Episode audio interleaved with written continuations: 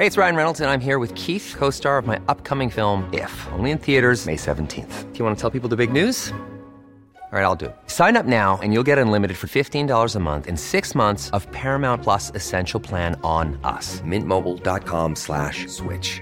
Upfront payment of $45 equivalent to $15 per month. Unlimited over 40 gigabytes per month. Face lower speeds. Videos at 480p. Active Mint customers by 531.24 get six months of Paramount Plus Essential Plan. Auto renews after six months. Offer ends May 31st, 2024. Separate Paramount Plus registration required. Terms and conditions apply if rated PG. Millions of people have lost weight with personalized plans from Noom, like Evan, who can't stand salads and still lost 50 pounds. Salads, generally, for most people, are the easy button, right? For me, that wasn't an option. I never really was a salad guy. That's just not who I am. But Noom worked for me. Get your personalized plan today at Noom.com. Real Noom user compensated to provide their story. In four weeks, the typical Noom user can expect to lose one to two pounds per week. Individual results may vary. Hiring for your small business? If you're not looking for professionals on LinkedIn, you're looking in the wrong place. That's like looking for your car keys in a fish tank. LinkedIn helps you hire professionals you can't find anywhere else, even those who aren't actively searching for a new job but might be open to the perfect role. In a given month, over 70% of LinkedIn users don't even visit other leading job sites. So start looking in the right place. With LinkedIn, you can hire professionals like a professional. Post your free job on linkedin.com slash achieve today.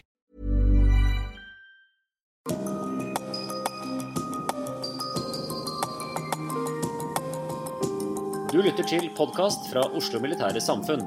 Besøk vår hjemmeside oslomildsamfunn.no, og se oss også på Facebook, Twitter og LinkedIn. Aftenens foredragsholder er jo kjent av mange av dere. Det er viseadmiral Ketil Olsen, som eh, har hatt en lang og variert tjenestebakgrunn i Forsvaret. Og blant de siste stillingene han har hatt, nevner jeg nestkommanderende i Heimevernet og stabssjef i Heimevernsstaben fra 2008 til 2012. Mellom 2013 og 2016 var han nestkommanderende og så avdelingssjef i Forsvarsstaben Org. Og I mars 2016 ble han utnevnt til sjef militærmisjon i Brussel og Norges representant i militærkomiteen i Nato. Dette er det første av to foredrag i høst som omhandler Nato. Hver fra sin vinkel og hver på sin måte. Vi er spent på hva admiral Ketil Olsen har å fortelle oss under sin tittel, som er 'Skiftende sikkerhetsutfordringer og endrede trusler. Natos militære dilemmaer'. Admiral, talestolen er din.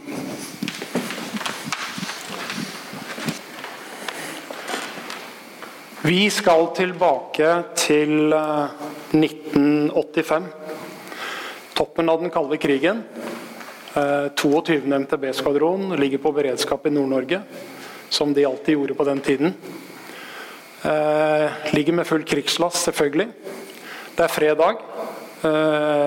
De ligger fortøyd på Domuskaia i Tromsø, for de som er lokalkjent. Det er fredag, som sagt. Vaktbåt, kjørebåt, mannskaper på vaktsiden er om bord. De andre er ute på rekreasjon. Jonas, Håk, Rogers, hva det nå het for noe alt sammen.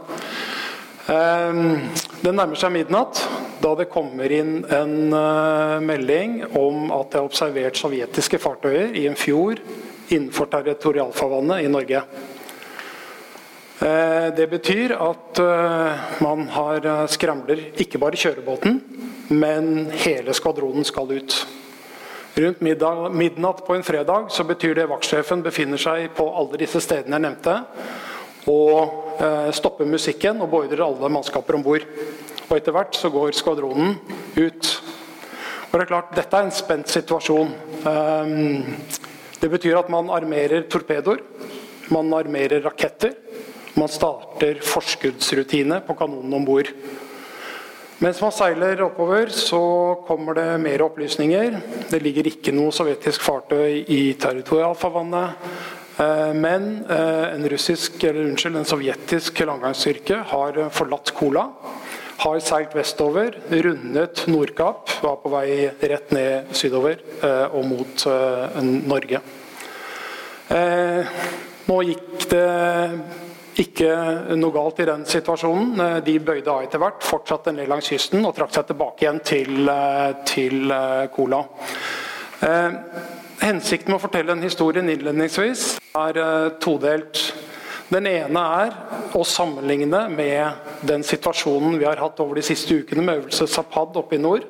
Viser at russisk militær kapasitet er på plass.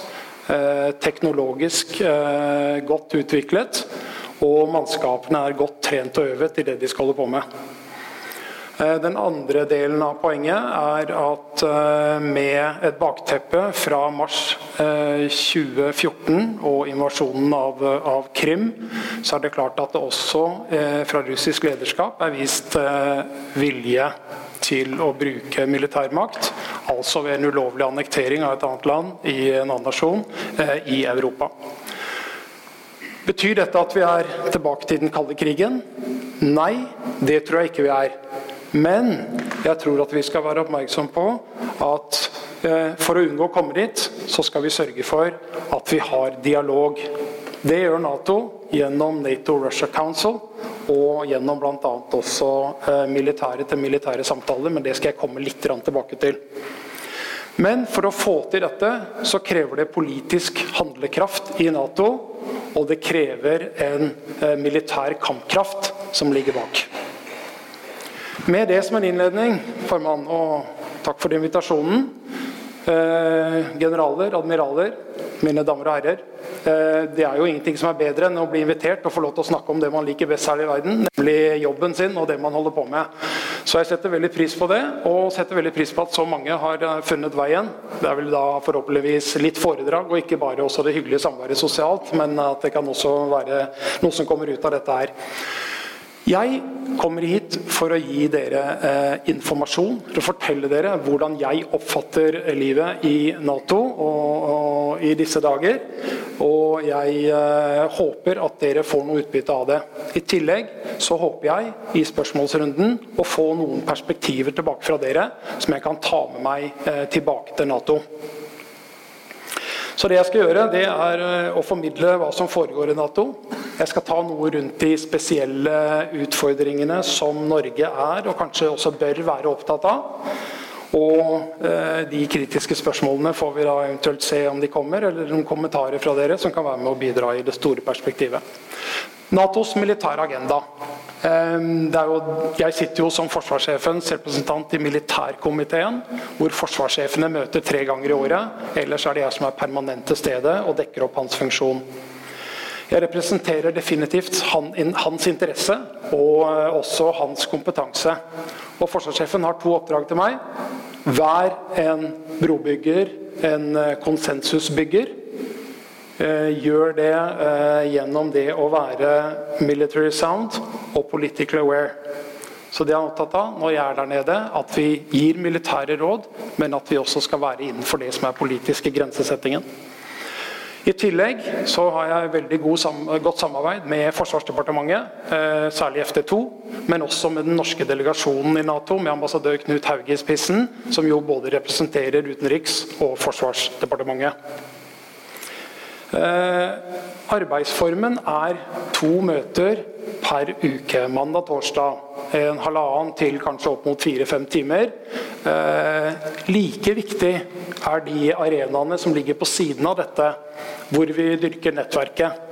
Og de enten selv å arrangere disse eh, sammenkomstene eller å være en del av de. Og vi snakker tre, fire og ofte også opp i fem eh, seanser, enten det er sammenkomster av, av mottagelse eller middag per uke. Så det å legge vekt på å bygge det nettverket, det er en utrolig viktig del av jobben. Jeg ser tre hovedutfordringer for alliansen per i dag. Det første er politisk samhold. Evnen til at uh, en organisasjon som vår står sammen, har et budskap utad. Og uh, Alliance Unity, sier vi på engelsk, uh, det er jo særdeles utfordrende i en konsensusorganisasjon med 29 medlemmer.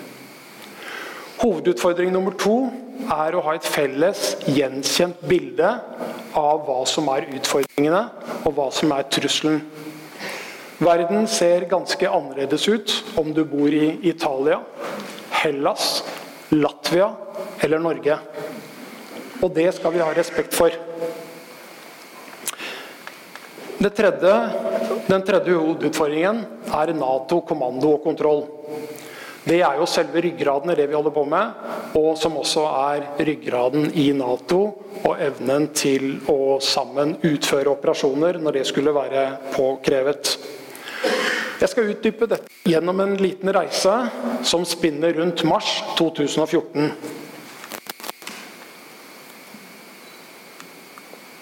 Skulle det ha skjedd et eller annet? Ta bare neste, du. Eh, vi begynner med et lite sikkerhetspolitisk bakteppe. Og Natos hensikt Takk skal du ha. For 68 år siden, når denne organisasjonen ble født, det var i første omgang å avskrekke eh, sovjetisk ekspansjon. Men det var ikke bare det. Det var også å hindre en oppblomstring av nasjonalistiske militarisme i Europa gjennom en sterk nordamerikansk tilstedeværelse på det europeiske kontinent. Og i tillegg oppfordre til europeisk politisk integrasjon. Hvis vi statistisk sett ser på verden i dag, så er den faktisk blitt fredeligere. Og det er færre som dør i konflikter enn det vi har opplevd på lenge. Men den kompleksiteten og den ustabiliteten som finnes i dag, cyber, asymmetriske trusler, eh, økonomisk kriminalitet, migrasjon, terror Alt dette er med på å skape en opplevd usikkerhet i eh, nasjonene. Hva er så mulighetsrommet eh, i, så, med så ulike forutsetninger som det vi finner i det jeg nettopp har kommet fram med? Vel, Nato er hjørnestenen i norsk sikkerhetspolitikk. Slått fast mange ganger, eh, ikke minst i siste og gjeldende langtidsproposisjon, 151 S. Så der er vi alle på samme linje. Allianseavhengigheten den ligger fast. I tillegg så har jeg med meg et oppdrag om å styrke det bilaterale, i hovedsak mot fire nasjoner. Det er selvfølgelig andre også som kommer inn, men i hovedsak fire. Eh, USA, Storbritannia, eh, Nederland og Tyskland. Og Det bruker jeg en god del tid på. Men Norge er selvfølgelig ingen stormakt i militær sammenheng. Og Det føler jeg litt på noen ganger når jeg har lyst til å være med i en eller annen gruppe som plutselig ikke er åpen for meg, for jeg kommer fra en liten nasjon. Men det er en liten digresjon oppi det hele. Norge blir lyttet til, er min erfaring. Grunnen til det langsiktige bidrag i Nato pragmatisk og løsningsorientert tilnærming. Og sist, men ikke minst, faglig dyktig, særdeles faglig dyktige tjenestemenn og -kvinner som vi sender ut, og som vi sikkert har sendt ut i mange år. Det får vi god eh, payback for. Hovedutfordring nummer én. Dere ser jo bildet hvordan grensene har flyttet seg. Men altså evnen til å stå politisk samlet. Alliance Unity utfordres hver dag. Enten det er i rådet, enten det er i militærkomiteen, eller det er i undergrupper og arbeidsgrupper i militærkomiteen. Selve kjernen i eh, samarbeidet og i alliansen, artikkel 5, én for alle, alle for én, kjenner alle godt, den ser ut til å ligge fast, den ser ut til å være i live, og den ser ut til å være, ha den oppmerksomheten den skal ha. Men for at noen skal få den støtten de behøver, eh, så må det jo være eh, en evne til mottak av den støtten. Og Da kommer en annen artikkel inn som er kanskje minst like viktig, nemlig artikkel 3. Og Jeg har lyst til å sitere fra artikkel 3. Nasjonene skal enkeltvis og i fellesskap ved stadig og virksom selvhjelp og gjensidig støtte opprettholde og utvikle sin individuelle og felles evne til å motstå væpnet angrep. Fase null, om du vil. Hverdagen. Når man signerer på å komme inn i denne alliansen, så legger man altså også samtidig et press på seg selv. Man er nødt til å ta ansvar for å kunne bli en del av denne alliansen. Selvhjelp er altså stikkordet her. Man skal kunne beskytte egen befolkning, samfunnskritisk infrastruktur og ikke minst nasjonale beslutningsprosesser. Et eksempel på noen av de utfordringene som finnes per i dag, er selvfølgelig 2% Og den kjenner vi også på hver dag i Nato. For Norge er jo ikke på 2% som kjent. Vi ligger på ca. 1,6 med, med, siste reviderte nasjonalbudsjett. Eh, og det jeg skal ikke si at jeg blir utfordret på det hver dag, det ville være å trekke det langt. Men den ligger der, og det er tydelig at selv om vi har langsiktige deltakelse i Nato, så er det ikke noe tvil om at den, den får vi påpekt med jevne mellomrom. Det betyr for nasjonene, alle nasjonene, men også Norge, hvordan balanserer vi egne forberedelser opp mot varslingstid? Det betyr felles forsvarsplanlegging i alliansen. Og det er jo limet i alliansen vår. Nemlig alt fra interoperabilitet, felles trening og øving, til felleskapasiteter som AVAX, altså luftovervåkingsbiten, til strategisk løftekapasitet med C-17, eh, multirolle tanker og transport og Alliance Ground Surveillance. Rekke tiltak som altså er fellesfinansiert i Nato, og som nasjonene er med på å bygge opp under. I tillegg, I tillegg, så er jo forsvarsplanleggingen og eh, føringene er gitt i det strategiske konseptet. Det siste er fra 2010. Det betyr en verden som så definitivt annerledes ut enn det vi har i dag. Den er riktignok oppdatert med politiske føringer, political guidance, fra 2015. Og vi ser for oss at den neste kommer i 2019. Eh, der finner vi også de oppdaterte kapabilitetsmålene, som sier noe om hva Nato forventer at nasjonene skal kunne være med å stille opp på. Hi, I'm Daniel, founder of Pretty Litter. Did you know cats tend to hide symptoms of sickness and pain? I learned this the hard way after losing my cat, Gingy. So I created Pretty Litter, a health monitoring litter that helps detect early signs of illness by changing colors, saving you money and potentially your cat's life. Pretty Litter is veterinarian developed, and it's the easiest way to keep tabs on your fur baby's health right at home. Go to prettylitter.com and use code ACAST for 20% off your first order and a free cat toy. Terms and conditions apply. See site for details. Millions of people have lost weight with personalized plans from Noom, like Evan, who can't stand salads and still lost 50 pounds. Salads, generally, for most people, are the easy button, right? For me, that wasn't an option. I never really was a salad guy. That's just not who I am. But Noom worked for me. Get your personalized plan today at Noom.com. Real Noom user compensated to provide their story. In four weeks, the typical Noom user can expect to lose one to two pounds per week. Individual results may vary. Disse felles dokumentene som jeg nå har nevnt, er med på å styre bl.a. det militære rammeverket og kapasitetene. Og For å få til det og bli enige om det, så krever det at vi har en felles oppfatning av trusselen. Og Det leder meg over på hovedutfordring nummer to. Felles situasjonsforståelse av trusselen. Og jeg skal si litt om de tiltak som er iverksatt. Vi er ikke venner, vi altså, fjernkontrollen og meg, men eh, jeg har jo deg, da. Ja, jeg er en god venn. Eh, jeg skal snakke litt om fra eh, lovte dere å spinne rundt mars 2014. Ligger her. Kan til og med peke på den, for jeg har fått en sånn fin peke. Den virker bra. Fra Wales til Warszawa og videre. Og fra beroligelse, reaksjonsevne, til avskrekking og forsvar. Jeg skal spinne litt opp gjennom den, opp gjennom den rekken der sånn. Tenkte vi skulle begynne oppe til venstre. Her er de tre kjerneoppgavene i Nato. Og så ser dere at jeg har tegnet kollektivt forsvar større enn de andre. Og Det er fordi at vektingen mellom de tre ulike kjerneoppgavene den er forskjellig over en periode. Nå så har vi fått fokuset tilbake til vår kollektivt forsvar. Men vi er helt avhengig av at de to andre virker for at vi skal også få det til å være på plass. Her ligger noe av spennet. Det er ikke alle som oppfatter trusselen på samme måte som eh, kanskje Norge gjør, eller kanskje Latvia gjør. Eh, så ser det annerledes ut som sagt i Italia og Hellas. La meg begynne med 2000, ja, la oss begynne tilbake til den kalde krigen. Kollektivt forsvar.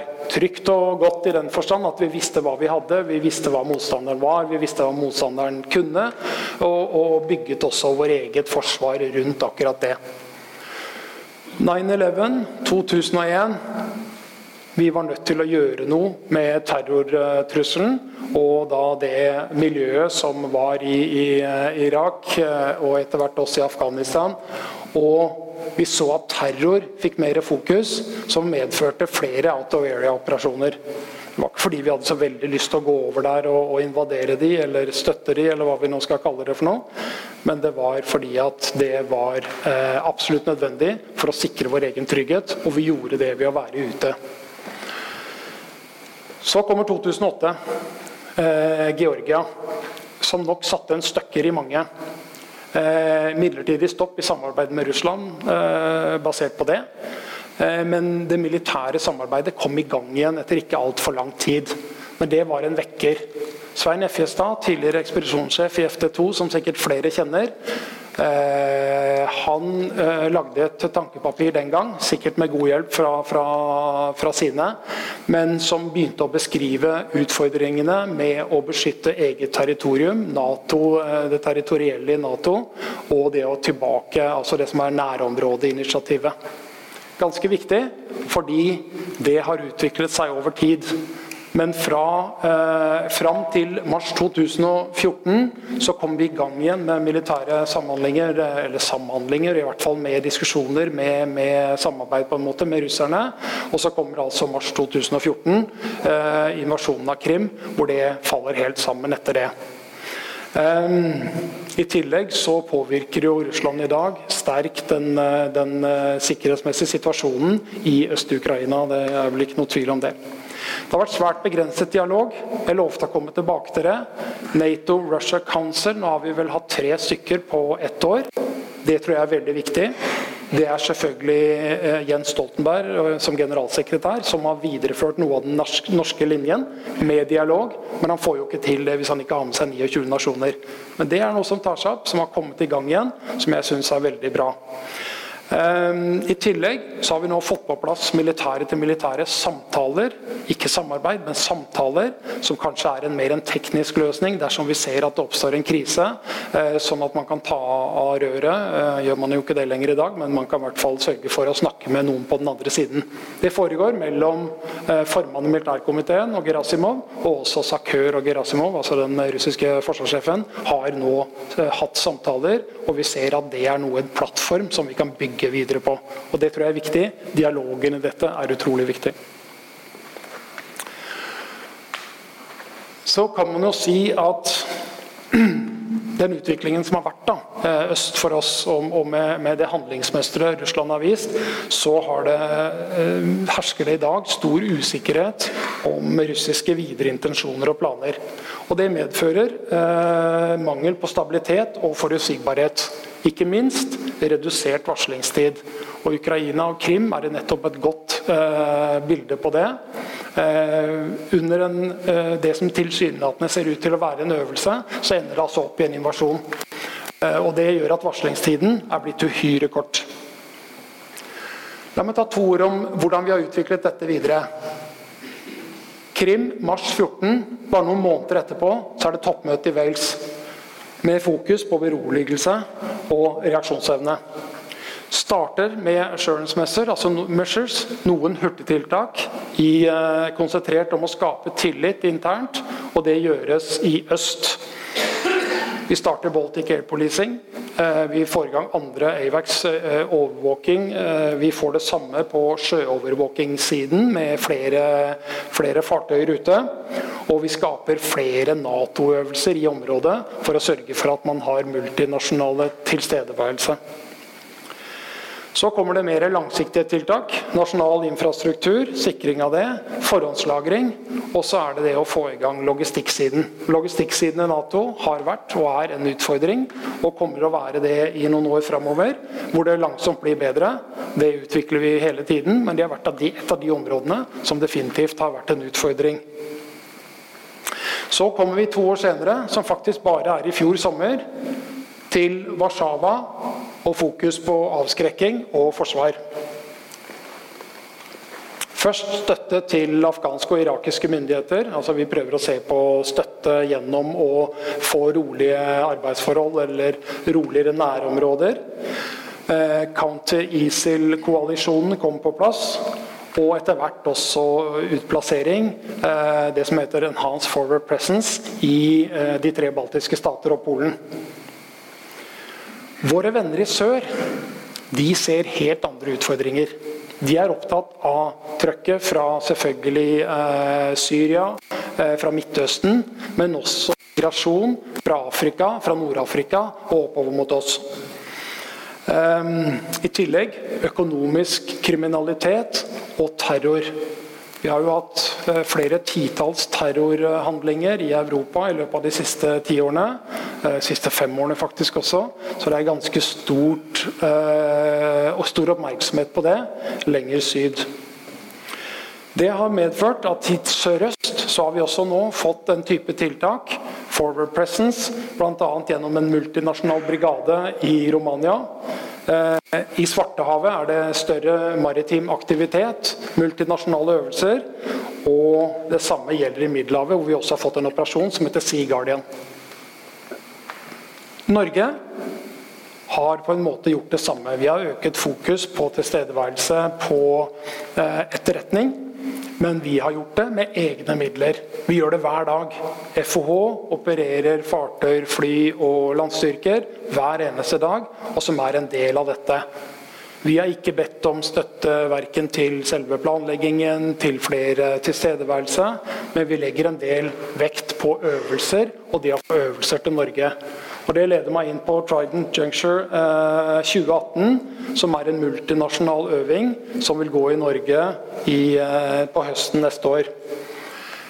Den første av disse såkalte high uh, value nei, hva blir det for noe? High visibility exercise uh, gikk i 2015 i Spania, Portugal og Italia. Den som også kommer i 18, skal foregå i Norge. 35 000 soldater som skal være til stede. Hensikten er selvfølgelig å synliggjøre alliansens vilje og evne, altså hovedutfordring nummer én i mine øyne, til å gjennomføre en kompleks fellesoperativ artikkel 5-øvelse. Det er et fiktivt, men realistisk scenario som foregår i reell geografi. Jeg sa 35 000 soldater, 30 nasjoner, kanskje opp mot 170, eh, 150 fly og en 70 fartøyer. Kommer til å bli veldig stort, kanskje noe av det største siden 2002. Eh, ikke bare land, sjø og luftstyrker. Det kommer også til å bli lagt vekt på totalforsvaret. Det er noe Nato har hatt fokus på. Det som vi kanskje så, for de som har fulgt ekstra godt med i, eh, i eh, under denne Zapad-øvelsen til russerne, så, det, så, gjennomgikk jo de også en totalforsvarsøvelse på slutten av denne. Så dette er tydelig at det er noe som eh, vi alle har i tankene. Norge skal være vertsnasjon. Vi skal fasilitere og bistå Natos øvingsplanleggere og de avdelingene som deltar på øvelsen. Det gir selvfølgelig Norge, ref mine tanker og ord om artikkel 3, gir Norge en unik anledning til å øve mottak. Det er krevende å ta imot så mange. Så det blir en, en fin test på det vi har dratt i gang. Men tilbake til tiltakssiden. Um, utviklingen fra uh, Wales til Warszawa Eh, er sentrert om balansen mellom tilstedeværelse, reaksjonsevne og kommando og kontroll.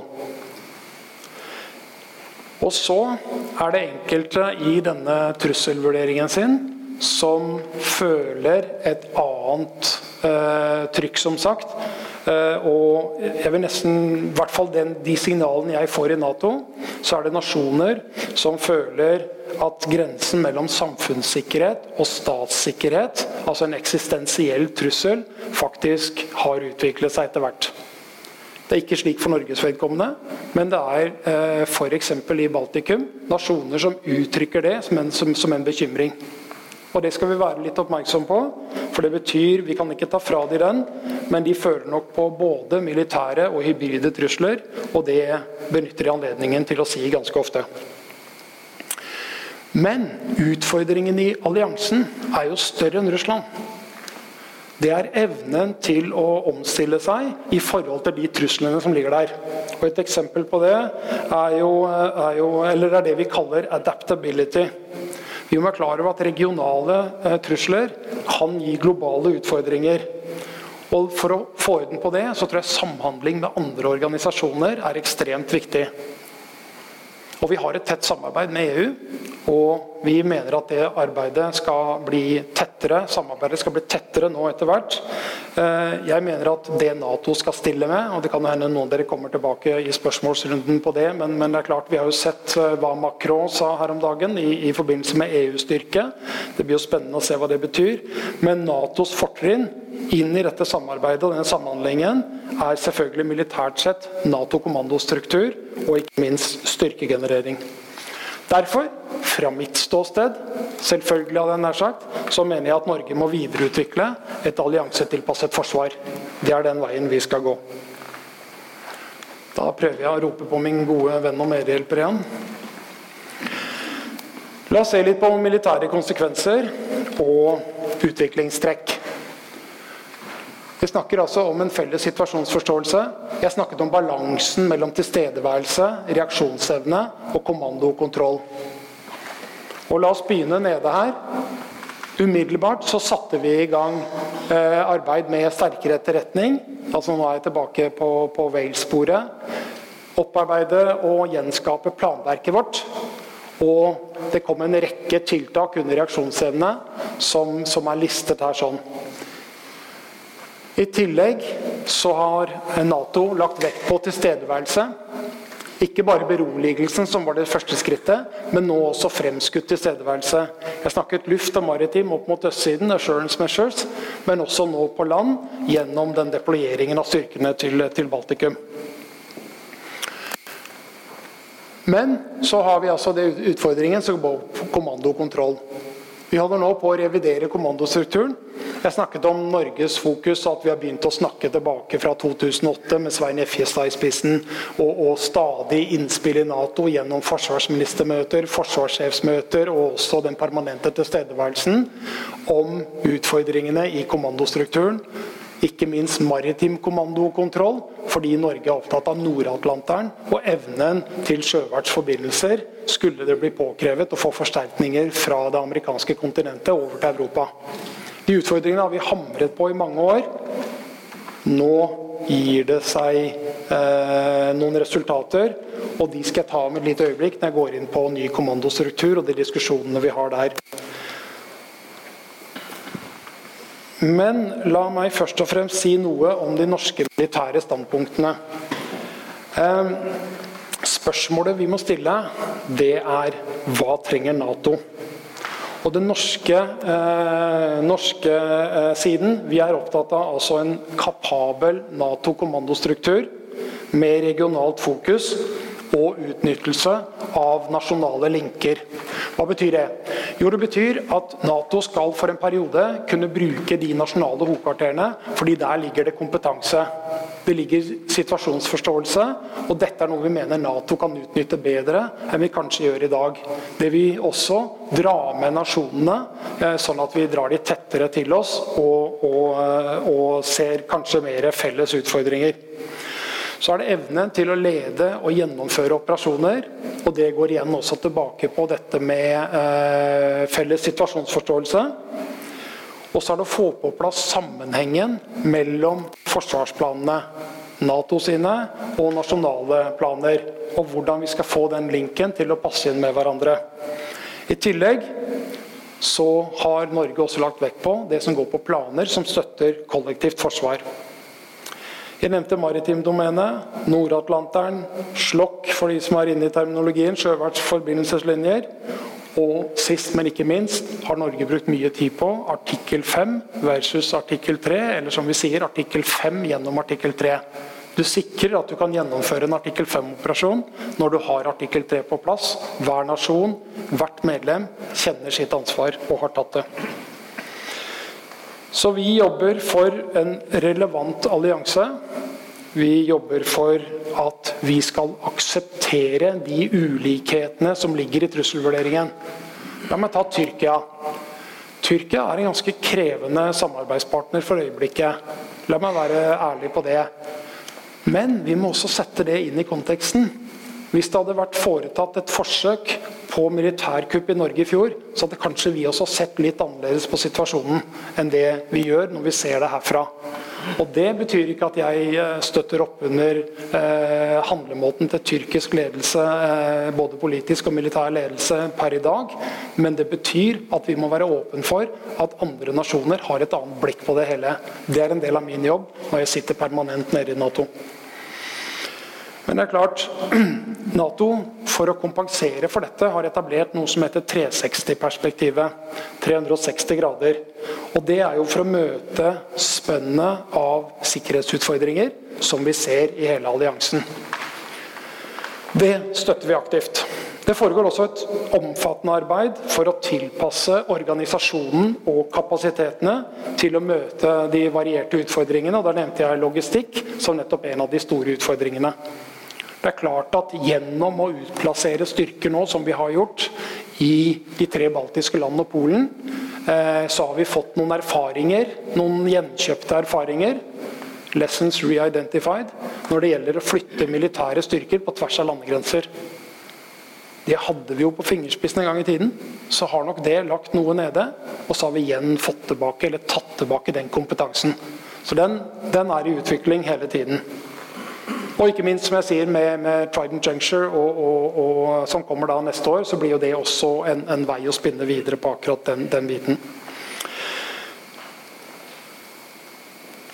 Det Norge tar med seg inn på dette, er å poengtere de regionale utfordringene vi ser. Altså Nord-Atlanteren har vi snakket om, det maritime kommando og kontroll. Eh, og eh, så har jo også da Nato en rekke krav til alle nasjonene når det gjelder kapabilitetsbygging. Eh, og det er klart For Norges del, vi har også våre krav. Og de har jeg formidlet inn til forsvarssjefen når han har gjennomført landmaktsutredningen. Bl.a. hva er det Nato er opptatt av, hva er det Nato mener at Norge bør bidra med i framtiden. Og så får vi se da hva som blir til syvende og sist besluttet politisk, om hvilken risiko man er villig til å ta, og hvordan man har tenkt å oppfylle en del av disse kravene som ligger fra Natos side. Kort om tilpasning av kommandostrukturen. Norge vil ha en kapabel, bemannet og øvet struktur. Jeg skal ikke si eh, hva prosentsatsen er, men den er ikke 100% når det gjelder oppfylling av, eh, av eh, det som er felles Nato-kommandostruktur. Men det bør være kjent for flere i forsamlingen at det nok har variert opp gjennom årene også. Vi ser etter smartere løsninger, som samarbeidet mellom Nato HQ, eh, Nato kommandostruktur, eh, Nato styrkestruktur. Vi har en rekke Centers of Excellence. Vi har Force Integration Units. Vi har felles etterretningssteder. Eh, og ikke minst også samarbeidet med nasjonale og multinasjonale hovedkvarter. Vi ønsker mer effekt som skal bidra til god og felles situasjonsforståelse. Det vil i noen tilfeller bety sterkere geografisk fokus. Og for er en av de tingene vi diskuterer, I dag så har jo ikke Joint Force Commands i Brussel og Napoli spesifikke geografiske ansvarsområder. Kanskje vi må tilbake dit. Kanskje vi må tilbake dit. At de også får et ansvar for de forsvarsplanene som ligger i deres område. Eh, jeg nevnte 2008 og framover. Jeg kommer stadig tilbake til det. Men, men, det er ganske artig å se at eh, de siste månedene, når vi har begynt å diskutere ny kommandostruktur ganske heftig i Nato, så ser jeg at jeg nesten kan sitte stille. Fordi at Nord-Atlanteren Selvfølgelig skal vi ha bedre kontroll over Nord-Atlanteren. Eh, maritim kommandokontroll Selvfølgelig skal vi ha bedre kommandokontroll. Nå er det andre nasjoner som tar opp dette, og det betyr at budskapet har gått gjennom. Og sånn som det ser ut akkurat nå, så er alle hovedsakene for Norge inne i den nye kommandostrukturen. Men foreløpig så er det vi i militærkomiteen som skal avgi eh, våre anbefalinger. Eh, Dvs. Si vi gjorde det på lørdag. Eh, og så får vi se. Det skal besluttes endelig da på forsvarsministermøtet i, eh, i februar 2018. Og så skal vi ut med PE, flags to post, og forhåpentligvis så er det jo ikke en ny kommandostruktur. Der må jeg rette litt på meg selv. Det er en, en uh, tilpassing av kommandostrukturen. Så vi slipper kanskje å gå alle de mange, lange, tunge rundene. Vi får se. Det er andre som bestemmer det. Så en oppsummering. Ehm, jeg ønsket å bringe noe informasjon til dere for hvordan jeg oppfatter det daglige som foregår i Nato. Jeg har prøvd å være åpen og ærlig på en del av de utfordringene som ligger der, fordi jeg er der. Hvis noen trodde noe annet, så, så vet ikke hvordan en konsensusorganisasjon med 29 medlemmer fungerer. Natos relevans for Norge er udiskutabel. Men jeg har lagt vekt på, og påpeker for dere også, viktigheten av det bilaterale nettverket. Det er krevende med 29 men også veldig kulturelt givende. Det må jeg si. Eh, de tre kjerneoppgavene er fortsatt meget relevante, men de har også fått en kanskje litt annen vekting. Altså Nato versjon 1.0 fram til kalde krigen var over, var veldig enkel og greit. Kollektivt forsvar. Nato versjon 2.0 er noe vi har hatt imellom også fram til 2014, hvor out of area-operasjoner og, og, den type krisehåndtering og andre var veldig viktig. Og så er vi tilbake til Nato 3.0 etter 2014, versjon 3.0, som har et større element av alle de i seg. Vi har ikke lagt bort auto-operasjoner, vi skal fortsatt være i stand til det, men vi har fått tilbake noe av fokuset på det vi holder på med. Nemlig kjerneoppgave nummer én kollektivt forsvar. Det betyr, eller det innebærer at Nato fortsatt er relevant, og det jobber vi for hver dag. Det jobber vi kontinuerlig med. Slik jeg ser det, så har vi ingen alternativer til Norges sikkerhet. På slutten så vil jeg avslutte med sånn lite tilbakeblikk på den kaldkrigshistorien min innledningsvis. Jeg er faktisk blitt så gammel at kompetansen min er blitt relevant igjen. Yes! Takk for oppmerksomheten.